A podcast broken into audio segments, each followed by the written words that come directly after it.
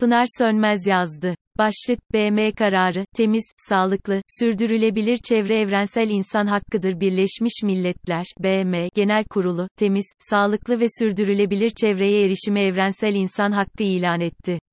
28 Temmuz 2022'de alınan karar, aralarında Türkiye'nin de bulunduğu 161 ülkenin oyuyla kabul edildi. Öte yandan, her sene Uluslararası Araştırma Organizasyonu Küresel Ayak İzi Ağı, Global Footprint Network tarafından açıklanan Dünya Limit Aşımı Günü de söz konusu kararla aynı gün, 28 Temmuz olarak duyuruldu. Çarpıcı gerçek ki, Dünya Limit Aşımı Günü 30 yıl önce 15 Ekim, 20 yıl önce 30 Eylül, 10 yıl önce ise 15 Ağustos iken 2022'de 28 Temmuz. Bu demek ki, 28 Temmuz itibarıyla doğanın bir yıl içinde yerine koyabileceği kaynakların 212 gün içinde tüketilmesiyle yeni bir rekor kırıldı. BM kararının alındığı gün ile dünyanın limit aşımı sonucu gelecek yılın kaynaklarını tüketmeye başlaması, tarihe geçen bir eş zamanlılık.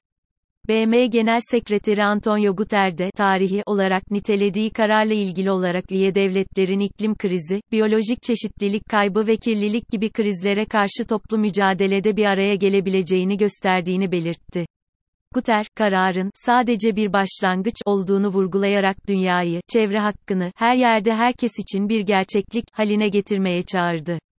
BM İnsan Hakları Yüksek Komiseri Michelle Bachelet de yaptığı açıklamada, kurulun kararına yönelik memnuniyetini ve kararın uygulanması doğrultusunda bir ifadeyle acil eylem çağrısını yineledi.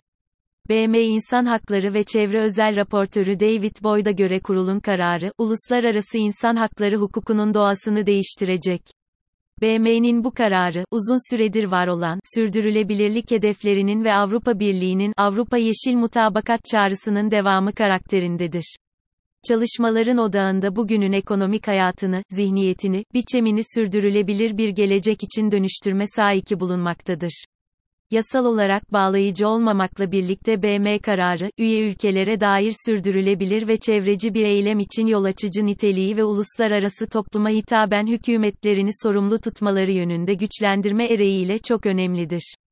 Bu bağlamda, BM kararının içerdiği çevre hakkını açıklıkla ele almakta fayda var. Bugün yeni bir anayasa hazırlayan ya da anayasasını değiştiren hemen her devlet mutlaka çevre hakkı üzerine hüküm oluşturmaktadır devlete çevreyi koruma ödevi yükleme şeklinin ötesinde, evrensel insan hakkı olarak çevre hakkını tanıma artık bir anayasal gelişme gerçeğidir.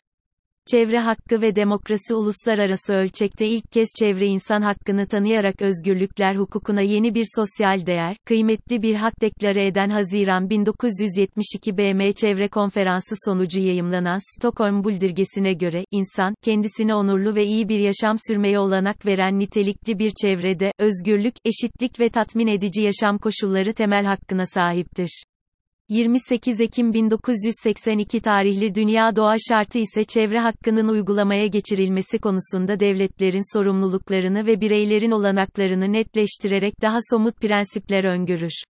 Haziran 1992'de Rio Dünya Zirvesi'nde Dünya Çevre Sözleşmesi imzalanamamış ise de enerji kaynaklarına ilişkin bildirge ve sözleşmeler tarihsel kavrayış içerir. Bu anlamda, en genel nitelikli metin, çevre ve gelişme üzerine Rio bildirgesidir. 1992 Rio Konferansı sayesinde uluslararası, sivil toplum, sağlıklı çevre için sesini yükseltmiştir.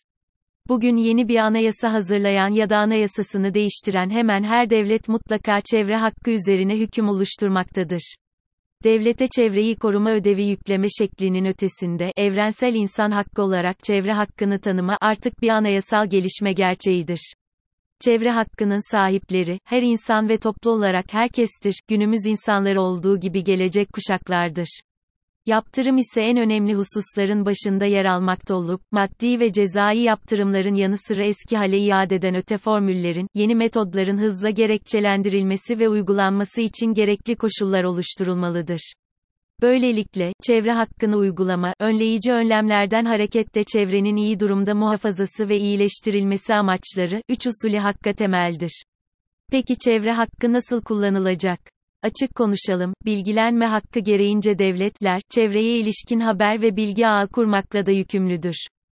Nokta. Katılma hakkı işte bu enformasyon hakkı ile yerine getirilebilecek ve halk, çevrenin yönetimine katılma hususunda etkin olabilecektir.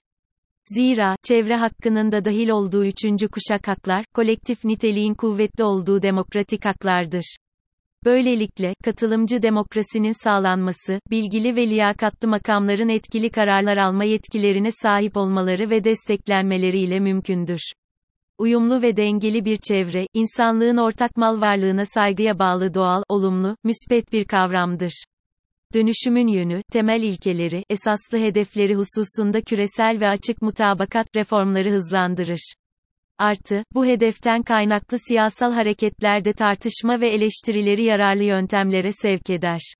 Yurttaşların, farkındalık, bilgi, eylemlilik süreciyle siyasetten talebi, çevrede sağlıklı kazanımlara ve vicdani dönüşüme kapı açar.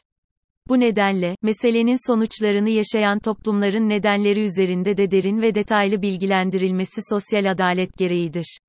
Israr, farkındalık, bilgi, EYLEMLİLİK çağdaş anayasalarda yer alması gereken çevre hakkı ile ilgili değişim fırsatında kurumsal yetkililerin doğru önlemlerle gayreti şart. Tüm dünyada siyasal ve kamu otoritelerinin, çevresel meselelerin çok katmanlı olduğunu kabulleri, doğru planlama tasarımları ve uygulamaları işlevsel olacaktır. Ülkemiz için de doğal, ekonomik, kültürel tüm değerlerin yerleşmesi, temiz erişilebilir ve güvenli enerji, temiz döngüsel ekonomi için sanayi gibi amaçlara yönelik bilinçle ve hukuka uygun faaliyetle mümkündür. Yurttaşların, farkındalık, bilgi, eylemlilik süreciyle siyasetten talebi, çevrede sağlıklı kazanımlara ve vicdani dönüşüme kapı açar. Bu nedenle, meselenin sonuçlarını yaşayan toplumların nedenleri üzerinde de derin ve detaylı bilgilendirilmesi sosyal adalet gereğidir.